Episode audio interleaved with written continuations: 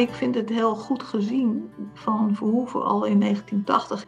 Van dat eigenlijk dat onderwijs, dat is eigenlijk bezig met een soort hanteerbare schijn na te jagen. Omdat dat, dat is veel makkelijker te beheersen natuurlijk. Als je gaat zeggen van ja, die vorming, dat is eigenlijk niet iets wat wij zozeer doen. Maar vooral iets wat gebeurt terwijl we met dingen bezig zijn, samen met die kinderen, ja, dan kan je niet lekker doorpakken. En dan kan je niet, dan kan, dat kan je niet meten en je kunt niet bijsturen en je kunt het niet beheersen. En dat is lastig als je de boel wil managen. Je luistert naar een gesprek dat Nivos collega Ricky van Blijswijk voert met Hester IJsseling en met Jo Berding over het werk van filosoof Cornelis Verhoeven en diens betekenis voor het onderwijs van vandaag. Hester IJsseling is sinds 2017 lector professionaliseren met hart en ziel aan de Thomas More Hogeschool in Rotterdam. Zij volgde tijdens haar studie filosofie, eind jaren 80, college bij Cornelis Verhoeven. De ontmoeting met de persoon en diens werk is van blijvende invloed op haar denken over onderwijs, zo vertelt ze in deze podcast. Verhoevens karakterisering van de filosofie als de kunst het zekere weten te voorkomen is daarin een leidmotief. Jo Berding was tot zijn pensioen in oktober 2017 docent en onderzoeker aan de Hogeschool Rotterdam. Al in de jaren 70 kwam hij Verhoeven op het spoor tijdens zijn studie pedagogiek. In zijn boek Opvoeding en onderwijs tussen geduld en ongeduld gaat hij uitvoerig in op wat Verhoeven heeft geschreven over verwondering, over vertraging en over uitstel. We weten hoe verleidelijk het is. Uh, dat, ik denk dat iedereen dat voelt om zo snel mogelijk als je iets meemaakt uh, te benoemen. Waar komt het vandaan? Wat, uh, wat is het? Wat kan ik eraan doen als ik het vervelend vind? Hoe kan ik het oplossen? En uh, voor Verhoeven is denk ik een heel belangrijk uh, begrip uitstel. Uh, kunnen we het eigenlijk uitstellen? Kunnen we het dulden? Zou je ook kunnen zeggen om een tijdje in die onzekerheid te leven dat we niet precies weten wat er aan de hand is. Joop en Hester waren al eerder met elkaar in een uitgebreide correspondentie verwikkeld over Cornelis Verhoeven. Het was aanleiding voor Ricky van Blijswijk om gedrieën eens bij elkaar te gaan zitten voor een gesprek waar je de komende 40 minuten naar kan luisteren. Verhoevens naam als auteur staat op ongeveer circa 80 boeken. We vallen in het gesprek als Joop zich vanuit Verhoevens meest bekende werk, Inleiding tot de Verwondering, tot ons als luisteraars richt. Wat, wat Verhoeven eigenlijk uh, doet in dat boek van Inleiding, dat, uh, Inleiding tot de Verwondering, is eigenlijk dat filos filosofisch uh, overdenken wat het betekent om niet direct op iets in te grijpen, om de dingen een zeker uitstel te geven. Hij, hij heeft het in een van de laatste hoofdstukken heeft hij het ook over het durven wonen in het uitstel. Dat je de dingen in zekere mate kunt laten zijn, zoals ze zijn. En hij, zet zich ook, hij verzet zich ook heel erg tegen dat idee, dat bekende idee van de maakbaarheid, van uh, dat idee van als, als wij nu maar ontzettend actief ons met allemaal dingen bemoeien en plannen maken en actief ingrijpen en bijsturen en nou, je zou nu een hele reeks uh, termen kunnen, kunnen gebruiken die, uh, die, die allemaal erop duiden dat als wij nou maar actief iets doen, dan komt het allemaal goed. Terwijl er eigenlijk ook wel uh, een menselijke ervaring is. ja, dat het soms helemaal niet lukt als je heel actief met iets bezig bent. Dat het eerder nog meer uit de klauw loopt dan, dan dat het goed komt. Dus het was voor mij een soort, ehm, nou ja, om het even modern te zeggen, een soort wake-up call vanuit de filosofie richting uh, de opvoeding. En um, wat ik eigenlijk in mijn boek heb gedaan, in het hoofdstuk, uh, dat is uh, geprobeerd ja, wat Verhoeven filosofisch naar voren brengt. Ehm, wat meer handen en voeten te geven voor de opvoeding. In heel concrete situaties tussen ouders en kinderen, in de klas. En um, ja, ik vind wat dat betreft, vind ik hem echt een een hele belangrijke stem, juist ook voor het uh, pedagogische debat van nu. En Hester, als je daar zo naar luistert, wat neem jij als filosoof mee in jouw dagelijkse werk um, aan, uh, aan het lectoraat, als lector? Ja, mijn lectoraat draait eigenlijk om de vraag uh, van, van wat is, hoe, hoe kun je nou vormgeven aan, aan praktijken die bijdragen aan aan subjectivering, wat Bista subjectivering noemt. Um, en dat is natuurlijk dat is een, een woord wat, wat verwijst naar iets wat al heel lang in, in de pedagogiek natuurlijk overdacht wordt. En, en Verhoeven heeft het daar trouwens ook over, over vorming. Noemt het dan niet persoonsvorming, maar vorming. Hij heeft één boekje geschreven, dat heet Traktaat over het spieken. En dat gaat heel specifiek ook over het onderwijs. Verhoeven heeft trouwens zelf ook, uh, hij was hoogleraar toen ik in 85 filosofie ging studeren, maar hij heeft veel langer uh, gewerkt als uh, leraar klassieke talen in het middelbaar onderwijs. Bijna zijn hele leven eigenlijk. Ik bedoel, het was echt rond zijn vijftigste is hij pas hoogleraar geworden. En aan de universiteit komen werken toen pas. En toevallig twee jaar daarna ging ik filosofie studeren en zo zijn wij elkaar op pad gekomen. En in dat boekje, uh, Traktaat over het spieken, ja, dat, die titel vind ik, ik ben er heel lang langs heen gelopen, omdat ik dacht, het is gewoon een of ander melig uh, zeg maar. Maar de ondertitel is het onderwijs als producent van schijn. Ik vind dat zo ontzettend treffend gezien en dat is zo relevant voor wat wij nu ook doen. Als we zo ontzettend hard bezig zijn met, met resultaten boeken op het gebied van kwalificatie en hoge toetsscores stimuleren en kinderen uh, opjagen om zo om, om, optimaal te presteren. Het, en daarbij heel veel haast en, en druk uit te oefenen. Terwijl waar gaat het eigenlijk om, dat onderwijs, is dat die kinderen, terwijl ze met dingen bezig zijn op school, dat dat hun vormt. Maar als je alleen maar de hele tijd bezig bent met resultaten meten of resultaten uh, produceren, dan is er eigenlijk helemaal geen ruimte om je te verhouden tot al die dingen die je aan het verwerken bent. Dus je bent een soort van lopende bandmedewerker als, als leerling of als leraar. Maar er is nergens ruimte of rust of tijd om eens bij stil te staan van, goh, hoe verhoud ik me hier eigenlijk toe? Uh, dus er is geen ruimte waarin iets kan gebeuren. Gewoon dat, dat, dat, dat, dat iets je raakt of dat iets je in verwarring brengt. En dat je daar dan nog de tijd voor hebt om daar nog eens even bij stil te staan. En, en ik vind het heel goed gezien van Verhoeven al in 1980 is, dat boekje is al uit 1980. Van dat eigenlijk dat onderwijs, dat, is eigenlijk bezig met een soort hanteerbare schijn na te jagen omdat dat, dat is veel makkelijker te beheersen natuurlijk. Als je, als je gaat zeggen van ja, die vorming, dat is eigenlijk niet iets wat wij zozeer doen, maar vooral iets gebeurt. Iets wat gebeurt terwijl we met dingen bezig zijn, samen met die kinderen. Ja, dan kan je niet lekker doorpakken. En dan kan je niet, dan kan, dat kan je niet meten en je kunt niet bijsturen en je kunt het niet beheersen. En dat is lastig als je de boel wil managen dan, dan, uh, ja, daar heb je allemaal geen tijd voor. We moeten door en we moeten hoger, hoger, hoger. En die kinderen die worden langzaam maar zeker vermalen in een soort machinerie. En dan denken we, ja, het is natuurlijk het is een beetje een karikatuur als je het zo schetst. Dus er gebeuren natuurlijk allerlei prachtige dingen in het onderwijs. Maar we leven wel in een cultuur waarin activiteit en snelheid uh, uh, toch de boventoon voeren. En er is wel ruimte waarin iets kan gebeuren, maar dat is, dat, dat, is, dat is er eigenlijk, ondanks alles, is dat er nog steeds. Maar niet omdat we dat bewust uh, afbakenen en veiligstellen met elkaar, omdat we dat belangrijk vinden.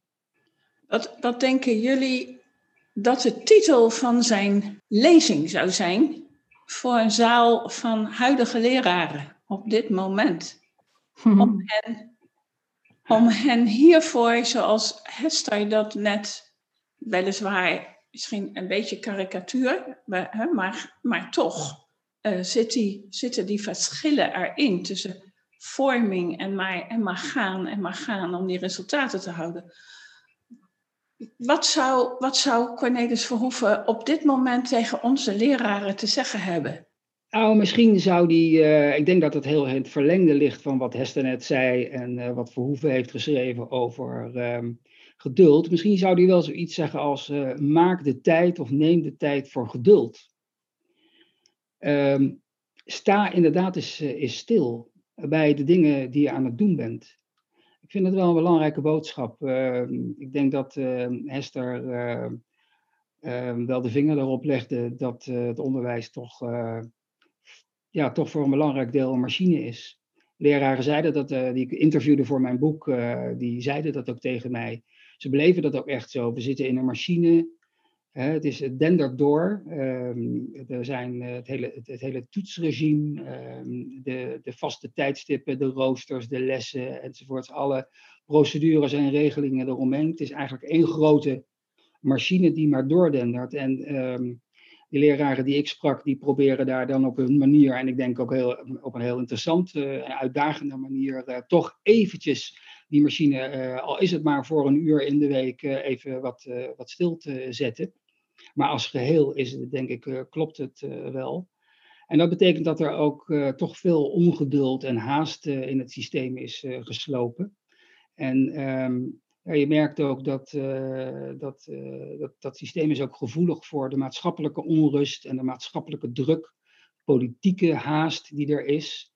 Um, ik weet nog wel uit mijn werk in het Rotterdamse dat um, nou ja, om de vier jaar werden er weer uh, nieuwe beleidsdoelstellingen uh, geformuleerd, waar we dan met z'n allen allemaal weer achteraan holden. Vaak ook omdat die gepaard gingen met een niet onaanzienlijke zak met geld.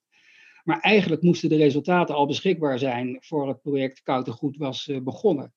Dus er zit een enorme druk, een enorme haast in, de, in dat systeem om maar nou ja, resultaten of ehm, opbrengsten, die, term hoor je natuurlijk ook vaak, om die te leveren. -hmm. En dat is nog één ding, hè, als die machine inderdaad, uh, als, dat, als dat systeem van die machinale kenmerken vertoont. Maar het wordt natuurlijk heel uh, erg wanneer de leraren ook die machinale kenmerken als het ware overnemen en internaliseren. Dat ze inderdaad zeggen van ja, ik, uh, ik moet door met mijn programma. Hè. Ik schiet me nu een uitspraak van Theo Thijs te binnen van zo'n beetje een eeuw geleden. En die kon nog zeggen, van, uh, nou ja, wat er dan niet in een uurtje lukt uh, met de rekenenles, daar nemen we dan maar twee uur voor. Hè? Dat, dat, dat schreef hij. Uh, en dat zei hij ook op basis van zijn ervaringen als, als onderwijzer in Amsterdam. Nou, ik denk dat als je nu zegt tegen een leraar van, nou, dan neem je toch gewoon wat meer tijd ervoor, dat hij je uitlacht. Dat hij zegt van, ja, maar ho, ho, dan moet ik die toets al gedaan hebben. Wacht eens eventjes. En dus die, die, die, die maatschappelijke haast en die, die systeemhaast, ja, ik, ik, ik, ik, maak me er erg zorgen over dat leraren die zelf ook internaliseren en dat ook uitdragen naar hun leerlingen, die vervolgens ook weer met diezelfde haast aan de slag gaan. Esther, jij wil reageren? Aanvullen? Ja, ik, je, je stelde de vraag uh, van wat, wat zou uh, Verhoeven voor, voor lezing houden of voor boodschap hebben. En ik vond het wel interessant eigenlijk om dan ook de link te leggen met die inleiding tot de verwondering. Dat, dat boek, dat, een inleiding, dan denk je, oké, nou, nou gaan we een boek lezen en dan gaan we dat, dus gaat hij ons dus uitleggen hoe je dat dan doet. Hoe het dan allemaal moet. En dan sla je dat boek open en Joop vertelde het net al hij gaat dat helemaal niet doen. Hij geeft je helemaal niet wat jij denkt te gaan krijgen van een inleiding. Ik denk, oké, okay, ik krijg een inleiding. Nee, je krijgt helemaal geen inleiding. Hij gaat gewoon doen wat hij denkt dat er gedaan moet worden. Namelijk, hij gaat zich verwonderen. Precies, ja. Meteen. En, en, je, en, je, en daardoor word jij een beetje in verwarring gebracht als lezer en onderbroken in je verwachting. En dat heeft een vertragend effect. Dus hij, hij beweert niet, dit is wat we moeten doen, luister naar mij. Want dat zou ook weer een vorm van geweld zijn, zeg maar. Om op de barricade te gaan staan. Kom, we gaan die kant op, allemaal achter mij aan. Nee, dat, dat doet hij dus niet. En dat vind ik interessant, want ik krijg soms ook wel eens te horen van, goh, uh, moet jij niet een keertje leren, uh, ga eens een coach opzoeken die jou kan leren pitchen, dat jij in twee minuten kan uitleggen waar het lectoraat over gaat. Want je doet altijd zo lang over om te zeggen wat je nou eigenlijk aan het doen bent. En aan de ene kant word ik dan altijd een beetje verlegen van, denk oh ja, ja, dat moet misschien toch maar eens een keer een beetje beter, sneller, vlotter.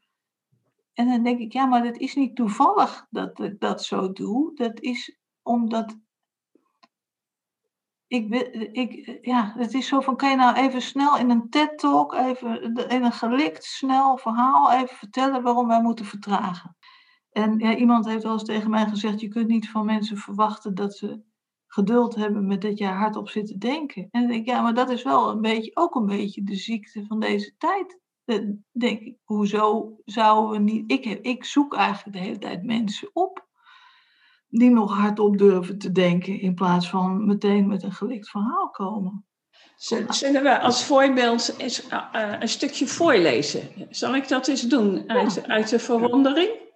Uit inleiding tot de verwondering. Ik denk dat daarmee de luisteraars aanvoelen wat jullie net zeggen. De tijd nemen, aandacht nemen. Niet, niet te vertellen, zo moet het, maar wel de aandacht richten op. En, en ik pak gewoon een pagina, pagina 38. Is de verwondering waarover de filosofen spreken misschien niet de eigenlijke verwondering, maar een andere naam voor wat beter vraag zou kunnen worden genoemd? Is het een twijfel, een verwondering of een vraag wanneer Heidegger als uitgangspunt van het metafysisch denken de vraag stelt: waarom is het überhaupt Seiendes und nicht vielmehr nichts? Zeker komt deze vraag voort uit de verwondering. Maar drukt zij die verwondering ook rechtstreeks uit? Is de verwondering hier niet al tot een vraag verwerkt? Ja, maar het is inderdaad wel een heel belangrijk punt wat, uh, wat Verhoeven hier uh, verwoordt. Namelijk, eigenlijk probeert hij erachter te komen, bijna door, ik denk ook door een soort zelfonderzoek van, ja, wat is dat nou eigenlijk, die verwondering? Hè? Wat, wat betekent het als je je over iets verwondert? En ehm, ik denk dat het uh, wel klopt uh, dat hij zegt van, dat we, als wij ons over iets verbazen, als we ergens verwonderd over zijn, bijvoorbeeld over dat gedrag van dat kind, of over nou ja, iets wat je meemaakt, waarom drinkt die mevrouw zo voor bij de bakker, dat je dat eigenlijk al heel snel, dat doe ik nu zelf ook, um, verwoordt of ombuigt in de richting van een vraag. Dat betekent dus dat je bewerkt eigenlijk al die oorspronkelijke verwondering tot iets hanteerbaars, tot een soort steun. Um, en dat, dan, dan ben je eigenlijk al bezig een antwoord te zoeken en weg te komen van die verwondering. Het is eigenlijk al meteen een, een, eh, een activistische benadering. Um, ik heb zelf de, de, de, de, metafoor bedacht voor de verwondering van als je uh, in een uh, museumzaal binnenloopt en je ziet daar een kunstwerk wat je nog nooit hebt gezien. Maar dat je zoiets hebt van, wauw. En dat is het dan ook. Dat is, dat is in, in mijn beleving een vorm van verwondering. Dat je niet probeert er meteen achter te komen wie de schilder is, of hoe het heet, of waarvan het gemaakt is, of uh, waarom het daar hangt, of uh, nou ja, al die vragen, die talloze vragen die je over een kunstwerk kunt stellen. Maar dat je eigenlijk, ja, eerst even, misschien ook zelfs lichamelijk, hè, misschien uh, herkennen luisteraars dat wel, dat als je je over iets verwondert, dat, dat, je, dat je een kunstwerk ziet of je hoort een muziekstuk, dat, je dat, dat, dat, dat doet ook lichamelijk iets met je. En dat je daar ook even bij kunt verwijlen, als het ware. Dat je daar even bij, dat, bij die uh, ervaring, ook die fysieke ervaring, dat je daar als het ware even bij kunt blijven. En dat je pas in tweede instantie eigenlijk daar vragen en of waarderingen aan gaat, uh, gaat hechten. Um, en ja, dus de, de, de, de, het verschil tussen, wat, wat volgens mij Verhoeven hier ook verwoordt, dat is eigenlijk ook wat ik zelf denk dat het verschil is tussen uh, verwondering en nieuwsgierigheid. dus uh, nieuwsgierigheid, dat is al heel snel van, oh, hoe, hoe zit het in elkaar? Hè? Um, wat kan ik ermee doen? Um, enzovoort. Ook weer een, iets wat je meemaakt of iets wat je ziet waar je een heleboel vragen over kunt stellen en wat hartstikke goed is. Maar het is toch net iets anders dan de verwondering waar Verhoeven het hier over heeft, want die verwondering is voor hem uh, helemaal bodemloos. Er is niks, er is alleen maar verwondering. Ja, ik, ik, als ik zo luister naar wat Joop vertelt, ik, ik, ik, herken, ik herken dat heel erg, dat, dat, dat geraakt worden door iets. En dat ehm, zo, ga ik ook met leraren vaak in gesprek over, over de dingen die zij meemaken in de klas. Van, van kan je nou eens iets vertellen wat je geraakt heeft? Een gebeurtenis. En in het begin is het vaak een hele puzzel, omdat het in het begin mensen denken, oh, we gaan een soort intervisie doen en uh, ik ga een probleem vertellen, iets wat ik heb meegemaakt waar ik geen raad mee weet, en dan gaan jullie mij adviseren wat ik daarmee moet. En daar probeer ik dan steeds van weg te komen, want ik denk, nee, wat ik eigenlijk nu wil doen, is, er is iets wat jou heeft geraakt. En laten we daar nou eens gewoon bij stilstaan en eens naar kijken. Wat, wat gebeurde daar precies? Dus ook niet wat is het precies en, en niet meteen dat allemaal te duiden, maar eerst is te beschrijven wat, wat gebeurt daar precies. Uh, dat is wel al een vraag, dus nou ja, dat, dat gaat dan een beetje weg van wat jij net voorlas. Maar um, ik denk dat je ook op een manier vragen kunt stellen die niet per se richting een antwoord of richting een oplossing gaan.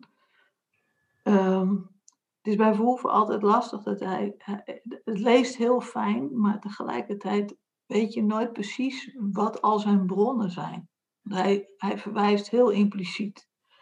Maar uh, je ziet wel heel duidelijk tussen de regels door dat hij heel erg in Heidegger uh, zich verdiept heeft en in Levinas. En, en bij Heidegger heb je het onderscheid, die maakt het onderscheid tussen het rekenende denken en het aandenkende denken, of het bezinnende denken zou je dat kunnen vertalen. En hij zegt ook uh, ergens anders, uh, het vragen is de vroomheid van het denken. Dus hij is, en dat, dat vind ik een hele mooie, een mooie gedachte die misschien niet helemaal aansluit bij wat je net van Verhoeven voorlas. Maar toch, Verhoeven stelt natuurlijk toch ook wel de, de vragen, maar meer de bezinnende vragen dan de vragen die richting een antwoord of een oplossing of een verklaring wijzen. Ik hoorde je net ook iets voorlezen, iets over dat hij zegt van ja, zo'n vraag trekt je al een bepaalde kant op. Ook een beetje de kant op van het causale denken. Van er, is een, er gebeurt iets en dat is ergens door veroorzaakt en dat heeft een bepaald effect. En dat zie je ook in gesprekken met leraren, dat als je met ze praat over iets wat ze, wat ze hebben meegemaakt, dan is het een, een, een, hele uitdaging om ze uit dat causale denken weg te, te lokken, zeg maar. Want ze hebben heel sterk de neiging, en dat komt omdat ze zo gesocialiseerd zijn, denk ik, om te denken van oké, er gebeurde hier iets, hoe komt dat en hoe ga ik het oplossen? Nou, dat komt omdat die jongen is autist en die kan, die kan dit allemaal niet handelen. En de oplossing is meer structuur of zo. Even een hele korte samenvatting van een mogelijke situatie. En dan probeer ik eigenlijk en, en ja, dan word ik toch geïnspireerd door Verhoeven. Gewoon te kijken van, van, sta daar nou eens gewoon bij stil. Je stond er in die klas. En die jongen die, uh, ja, ik weet niet wat hij deed. Die ging met een stoel gooien of zo. Wat, wat gebeurt er dan? Wat voel je dan? Wat zie je dan? Wat hoor je dan? En, en, en onderbreek eens even die, die, die eindeloze tredmolen van verklaringen zoeken en oplossingen zoeken. Maar, maar stel je eens open voor wat er nou eigenlijk gebeurt. laat het even toe dat, je, dat dat je raakt. En wat betekent dat dan? Dus meer naar de betekenissen kijken dan naar de, naar, naar de, de werking. Dus de, en dat vind ik ook wel een belangrijk iets van bij Verhoeven. Uh, en dat, dat gaat echt ook op Heidegger terug, volgens mij. Heidegger zegt uh, van, eigenlijk sinds, de, sinds de opkomst van de natuurwetenschappen zijn we alleen nog maar aan het kijken naar de werkelijkheid als hoe functioneert het? En dat zie je in onderwijs ook. Hoe functioneert de leraar? Hoe functioneert het kind? Maar de vraag van wat betekent het eigenlijk om als leraar te bestaan? Of wat betekent het eigenlijk om als kind in het onderwijs uh, te bestaan? Daar staan we helemaal niet meer bij stil. en, en ik denk dat dat belangrijk is om dat wel te doen. Ik, ik, ik voel, terwijl jij daar zo over aan het vertellen is, al heel veel rust. Time out. Zo, zo stel ik me dat voor. Wat, wat geven, wat geven de, de leraren waarmee jij in gesprek hierover bent? Wat geven ze aan jou terug? Precies wat jij nu zegt eigenlijk. Want het is, ehm, uh, mensen hebben het gevoel dat ze op adem komen, dat, uh, dat, het, dat we het eindelijk hebben over waar het eigenlijk over moet gaan. Ik had toevallig vor, vorige week uh, weer een bijeenkomst met een groep en er waren ook een paar nieuwe mensen bij. En vaak zeggen mensen dan, ja, ik voel me soms een roepende in de woestijn, ze dan. En toen zei ik, ja, dit is, zie dit maar als de drinkplaats voor de roepende in de woestijn, zeg maar. Wij zijn de vereniging van de roepende in de woestijn. En dat, dat, uh, en dat, ja, dat, dat vinden mensen dan bemoedigend, dat, dat ze kennelijk niet de enige zijn die het gevoel hebben dat we het nog ergens anders over moeten hebben dan waar het toch vaak over gaat op studiedagen en uh, bij vergaderingen. Wat ik, uh, misschien mag ik iets aanvullen daarop en ook nog uh, een, een, woord van Verhoeven daarbij uh, gebruiken. Want um, we weten inderdaad hoe verleidelijk het is. dat, ik denk dat iedereen dat voelt om zo snel mogelijk als je iets meemaakt te benoemen. Waar komt het vandaan? Wat, wat is het? Wat kan ik eraan doen als ik het vervelend vind? Hoe kan ik het oplossen? En voor Verhoeven is denk ik een heel belangrijk begrip uitstel kunnen we het eigenlijk uitstellen? Kunnen we het dulden? Zou je ook kunnen zeggen, om uh, een tijdje in die onzekerheid te leven, dat we niet precies weten wat er aan de hand is. Uh, maar kennelijk vinden veel mensen dat toch moeilijk, uh, want we plakken gauw etiketten op de dingen. En zeker in het onderwijs maak je er toch nog wel mee dat, ja, dat we een label of een etiket op een kind plakken. Jij noemde zelf net het voorbeeld van een autist. Uh, maar er zijn ook andere labels. Er zijn overigens ook hele positieve labels. Hè? Uh, dat sportieve kind of dat, dat hele slimme rekenkind. En dat is allemaal dan heel goed bedoeld. En er zit ook een voordeel aan, hè? want door iets te benoemen weet je ook waar je, waar je aan toe bent. Ehm, ja, alleen zegt Verhoeven, het risico is wel dat je daarmee het denken ook laat ophouden je hebt dan eigenlijk een kind als het ware vastgepind op, uh, ja, op dat label. En vervolgens uh, kijk je niet meer of het uh, na een tijdje ook nog echt klopt wat je had bedacht.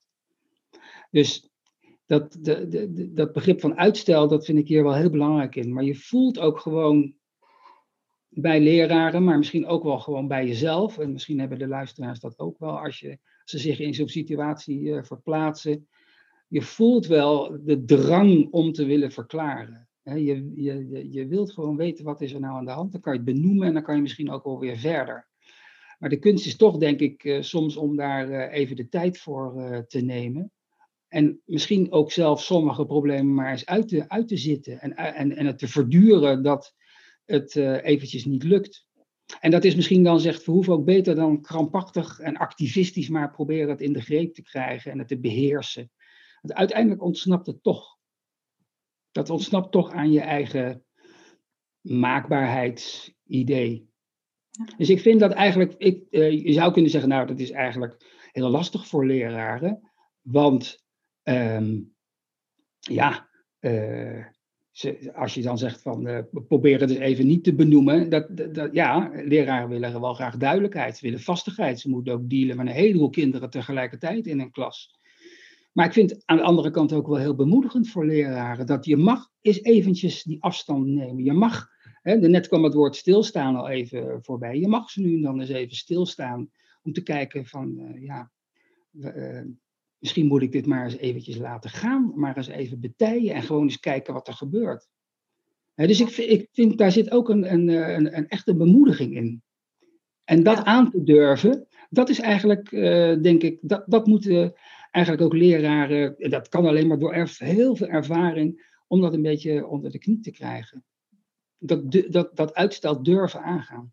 Ja, het, het, het, er zijn twee dingen die ik bij denk. Is, aan de ene kant, het is natuurlijk ontzettend begrijpelijk in die overweldigende uh, toestand die de wereld is, zeg maar. Dat Mhm. mensen behoefte hebben Ja. aan, Zeker. grip op de dingen. En zeker als je in een klas staat van 25 of 30 mensen, die, die allemaal hun eigen eh, eigenaardigheden hebben en, en heel vaak ook helemaal niet op dezelfde golflengte zitten als jij als leraar, of die niet hetzelfde willen als jij.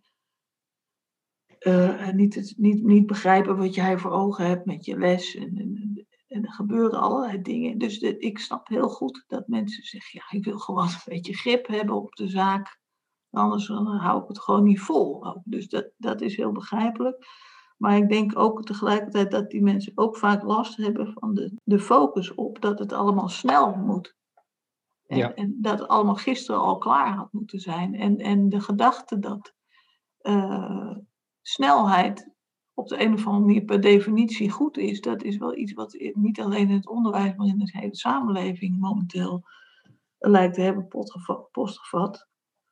Terwijl het natuurlijk eigenlijk een heel merkwaardige gedachte is dat snelheid iets goeds zou zijn. Want het gaat, als- je er te, er te ver in gaat, gaat het altijd ten koste van de zorgvuldigheid en de aandacht waarmee je dingen doet.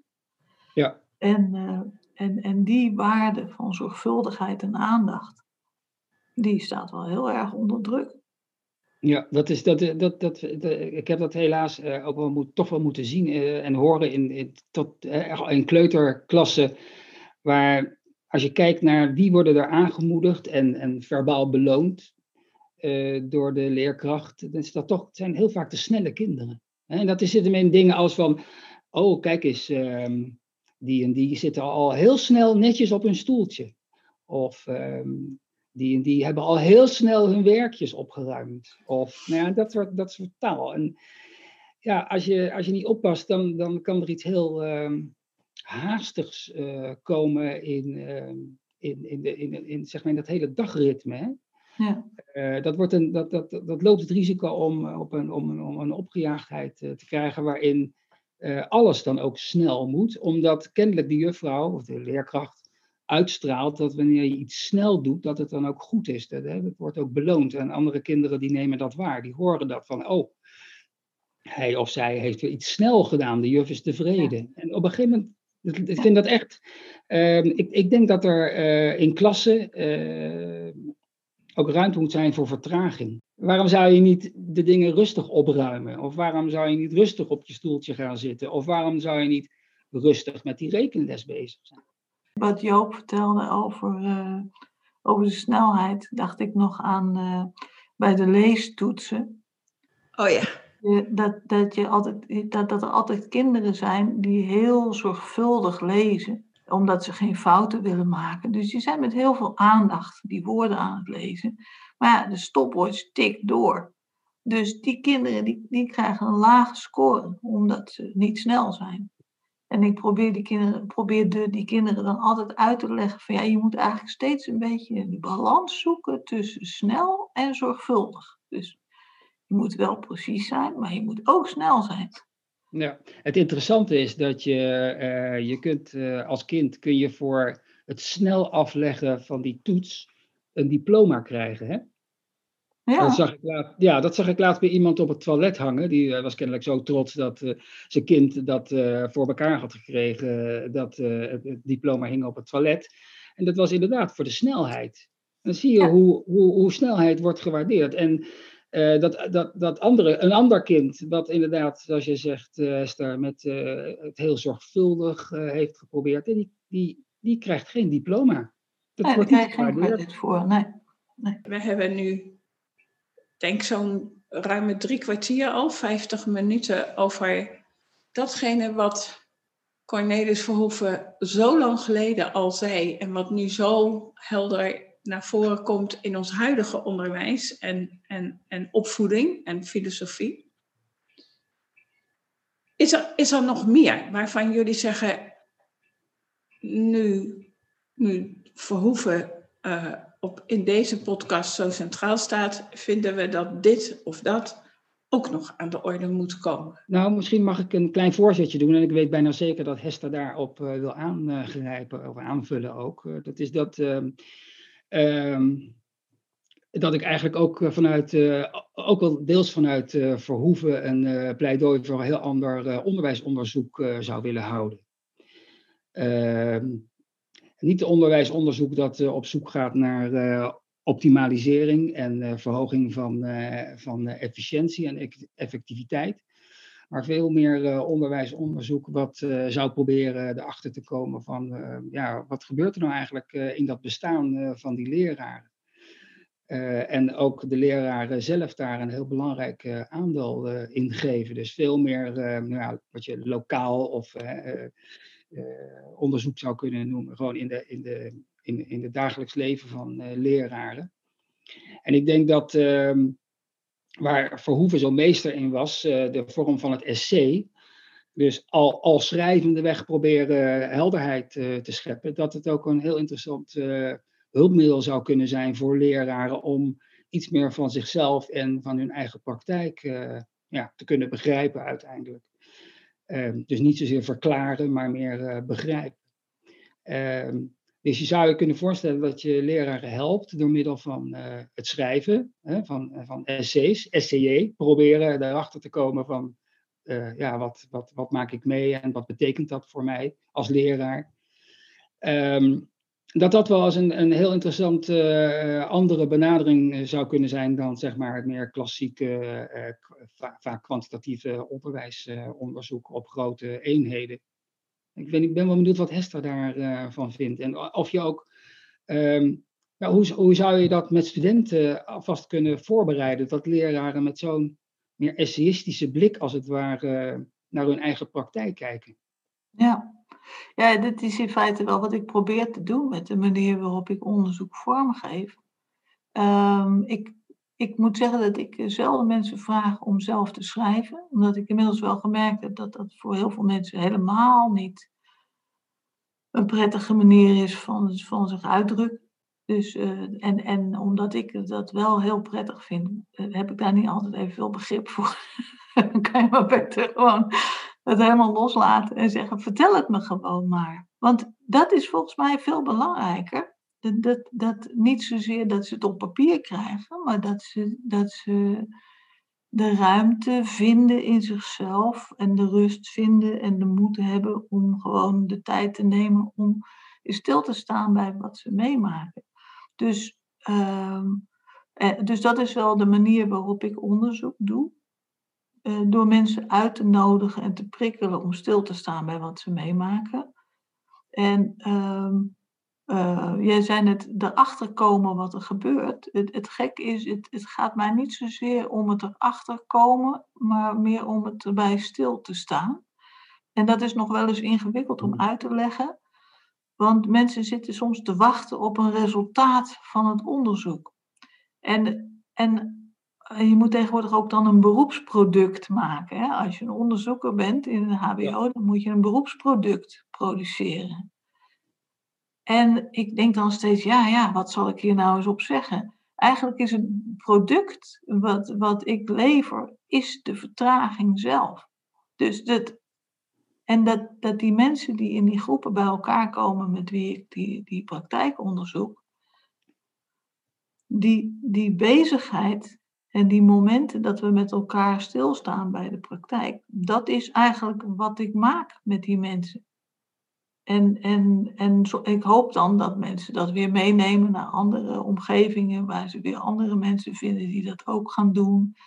Omdat ik denk dat het uiteindelijk goed is dat leraren in scholen tijd afbakenen. En daar hebben ze natuurlijk hun schoolleiders en hun bestuurders ook bij nodig. Dat die tijd gerespecteerd wordt.